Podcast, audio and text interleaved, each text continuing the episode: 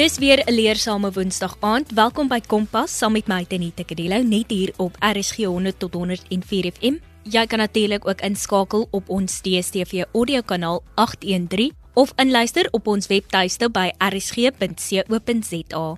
Kersfees is om die draai en vir party van ons lê daar die laaste geskenk inkopies nog voor die deur.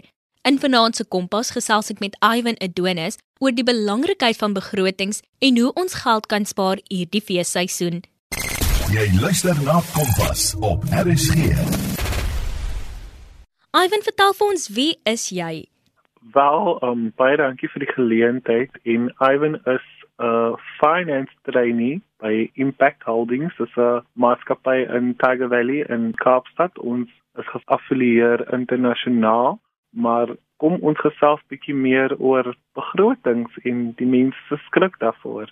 Tassa Ivan, want dit is hoekom ons hier is. Nou sê vir my, wat beteken dit om te begroot?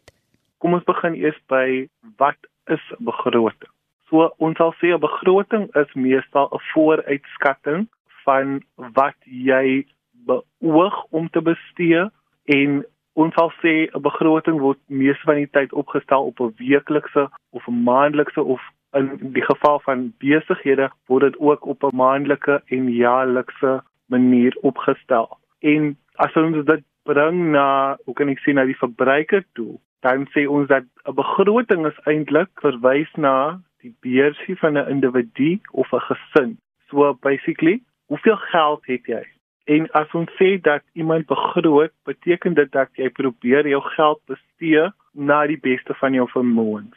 So dis basically waarna ons verwys as ons praat van begroot en om te begroot. Dis hy en wat is die basiese elemente van 'n goeie begroting?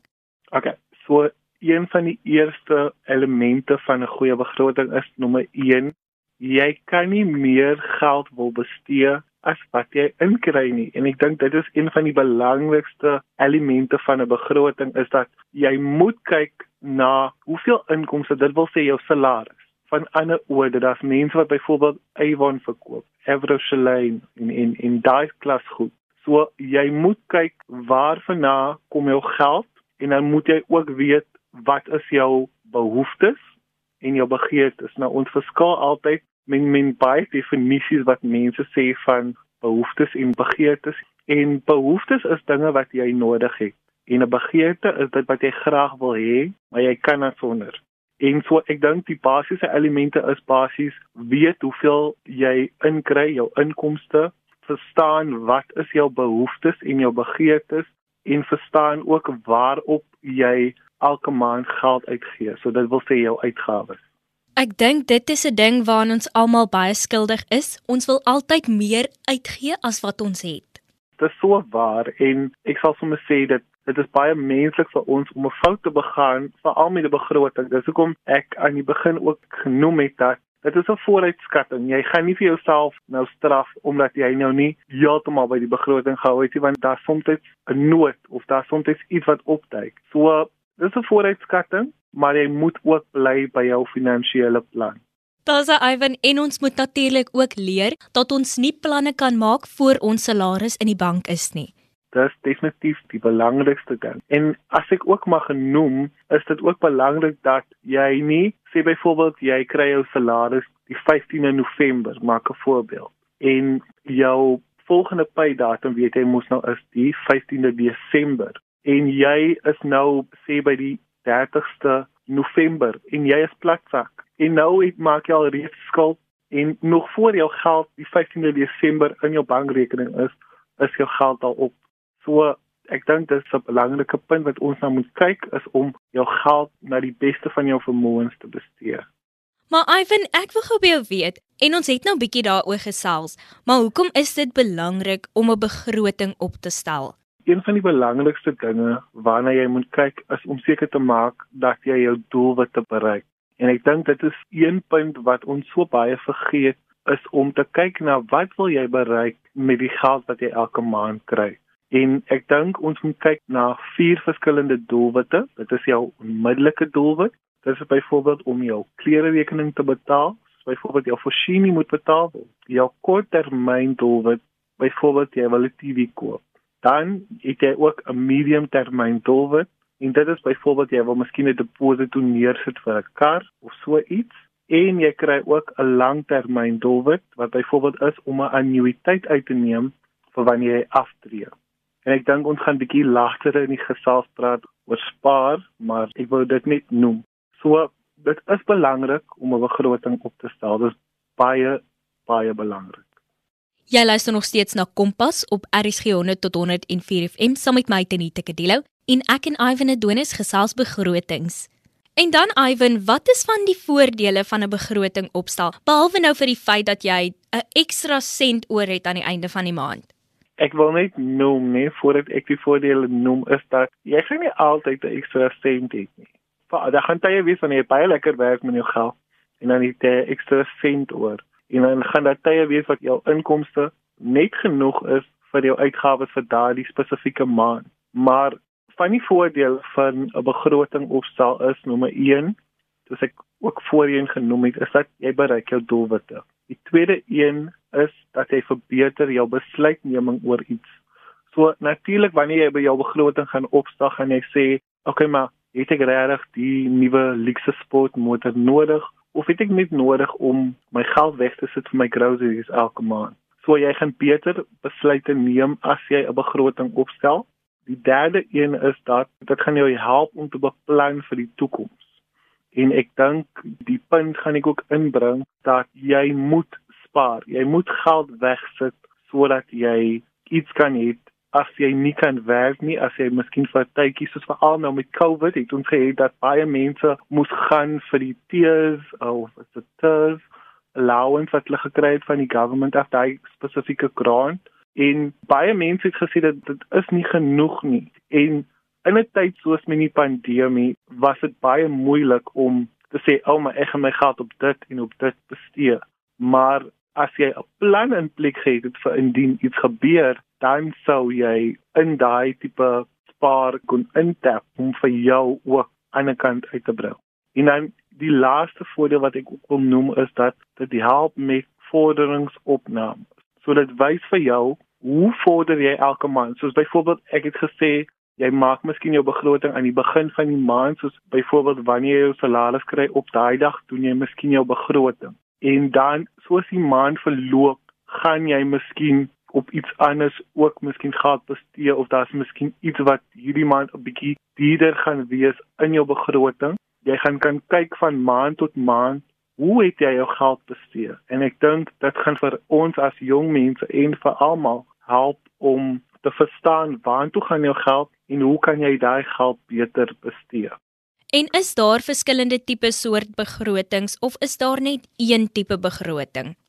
Ek sal sê dat daar is meer as een tipe begroting en wat ons nie uit die oog uit moet verloor nie is dat jy het nie soos byvoorbeeld met 'n missie of met 'n skaaf wat jy koop sê jy oh what is one size fit all? Jy moet besef maar hoe spandeer ek my geld? Spandeer ek net left right and center of is ek 'n bietjie meer cautious met my geld? En ek dink dat die manier van die vooruitskatting is wanneer jy jou begroting doen voor jy of op die dag wanneer jy jou salaris kry, is dat jy gaan vooruitskat hoeveel geld gaan jy byvoorbeeld uitgee op sinema toe gaan vir die maand. Hoeveel geld gaan jy vir petrol uitgee? Hoeveel geld gaan jy vir groceries uitgee? Jou rent, al daai tipe goed. En ek dink dit verskil van persoon tot persoon omdat almal het nie dieselfde uitgawes en inkomste nie. So jy moet kyk wat werk die beste vir jou en dis hoe jy die ideale begroting vir jouself gaan kry. Dan wil ek net weet, wat is van die probleme wat jy kan ondervind terwyl jy besig is met die opstel van jou begroting? Een van die eerste probleme wat jy kan bevind is natuurlik dat die geld wat jy wil bestee of die geld wat jy wil uitgee of spaar is meer as jou inkomste. En ek dink dit is 'n common problem vir ons almal dat jy wil so baie uitgee maar ons het nie altyd so baie om uit te gee nie. En ek dink jy moet werk, soos byvoorbeeld baie mense sê jy moet werk van soos ek nog gesê het jy moet werk van jou inkomste af. Maar dan kry jy die geval jy het 'n bruto inkomste en jy het 'n netto inkomste. En baie mense dink dat as jy werk van jou bruto af, so sê byvoorbeeld jou ons maak 'n voorbeeld. Jou bruto is 10000 byvoorbeeld. En jy moet nog gaan deur tax, UIF, medies en al daai klas goed. Dan kom jy maklik uit met kom ons maak dit 8000 byvoorbeeld. Dan sit jy met daai geld en jy wil so baie dinge doen. Jy het baie behoeftes om in te voorsien soos byvoorbeeld jou huurgeld, jou groceries, jou vervoer en al daai klas goed wat jy op geld moet uitgee. En ek dink dit is belangrik dat jy realisties is oor hoeveel geld jy kan uitgee en hoeveel geld jy ook kan spaar. 'n Ander probleem wat ons ook kan ondervind as ons 'n begroting maak is as jy nie voorsiening maak vir 'n noodfonds in jou begroting nie. En ek sal sê 'n noodfonds is daai geldjie wat jy elke maand het, soos byvoorbeeld jy het miskien 'n ekstra 200 rand. Nou sit jy daai geld weg in 'n noodfonds sodat jy ingeval daar 'n uh, nood is of 'n as 'n iets wat gebeur jou kar se wiel bars jou geyser het gebars of so iets. Jy het nie dit ingereken in jou begroting nie. Dis hoekom beste opsie is het 'n noodfonds kategorie in jou begroting sodat jy kan ook kan seker maak dat indien daar iets gebeur waarvoor jy nie voorsiening gemaak het nie dan kan jy intap op jou noodfonds. Maar hou ook jou noodfonds aan die gang sodat as jy nou net een emergency gehad het, nou dink jy okay nee, it's fine, ek gaan nie meer nog 'n noodfonds hê nie. Hou dit aan die gang gedurende die hele jaar en aaneenlopend totdat jy dit dalk nodig het of indien nie nodig het nie, hou dit vir 'n uh, ander tyd soos byvoorbeeld soos ek vroeër genoem het in die tyd as met die pandemie want ons het nie geweet dit gaan op ons val en dan was daar ten minste iets wat jy kon gebruik. Sal jy jong mense aanraai om vroeg te begin spaar? Beslis. Ek dink dis een van die dinge wat ons as jong mense baie oorsien en ek praat ook met myself as ek dit noem. Is dat ons dink nee, ons is nog jonk, nee, ek is nog 18 of ek is nog 20 of ek is nog in my in my jong jare. Ek hoef nie om te spaar nie. En dit is die fout wat ons maak.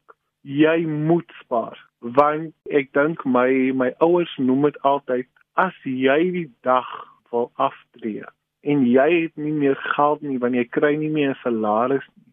Wat gaan jy doen?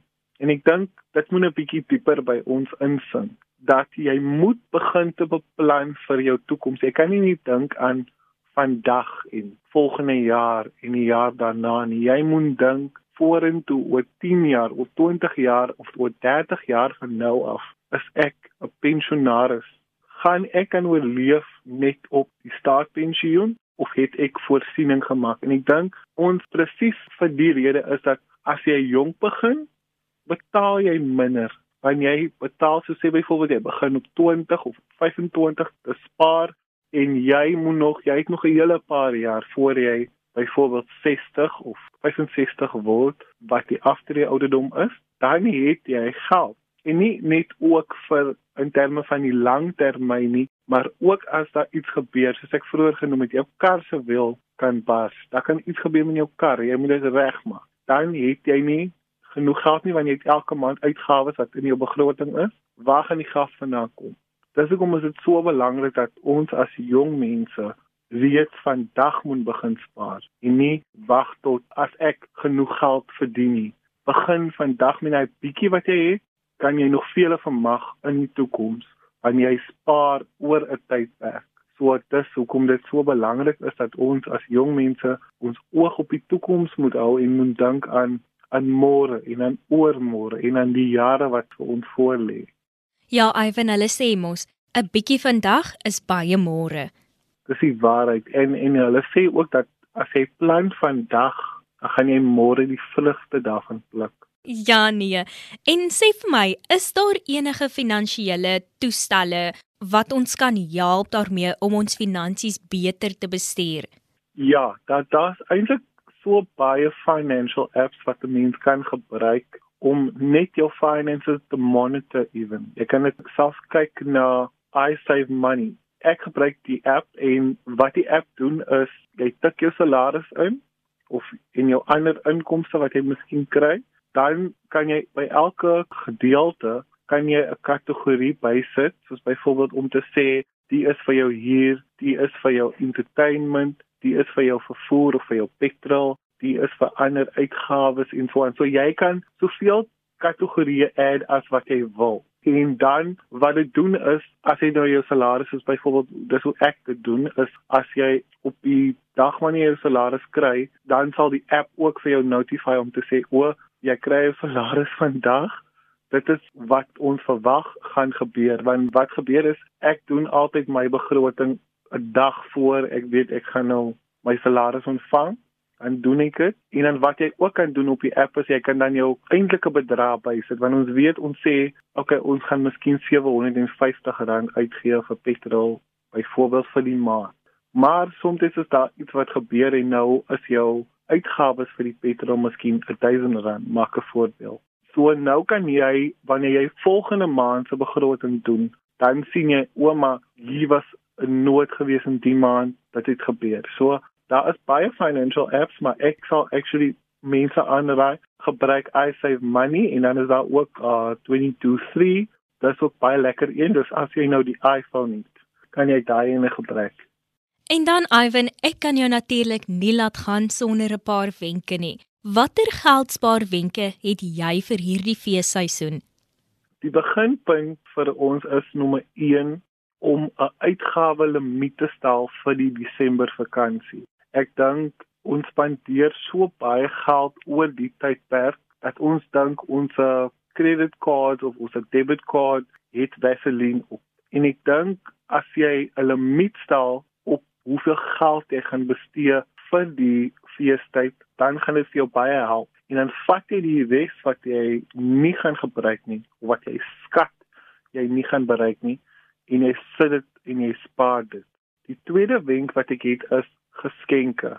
Ek dink ons gee so klomp geld uit elke jaar om vir mense geskenke te koop en om mense te verras en dit is lekker om 'n geskenk te kry. Ek hou ook van 'n geskenk, maar ons is nie die Kersfees nie. En ek dink ons moet onthou dat 'n Kersfees koop vir die hele wêreld presente ja, maar jy hoef nie vir almal presente te koop nie. Maak 'n lys van soos ek sal sê jou neerste en deures en besluit vir wie jy 'n geskenk wil koop. Somstyds en ek dink dis 'n ander wenk wat ek ook wil noem is dat mense verwag jy altyd 'n groot geskenk of 'n duur geskenkie.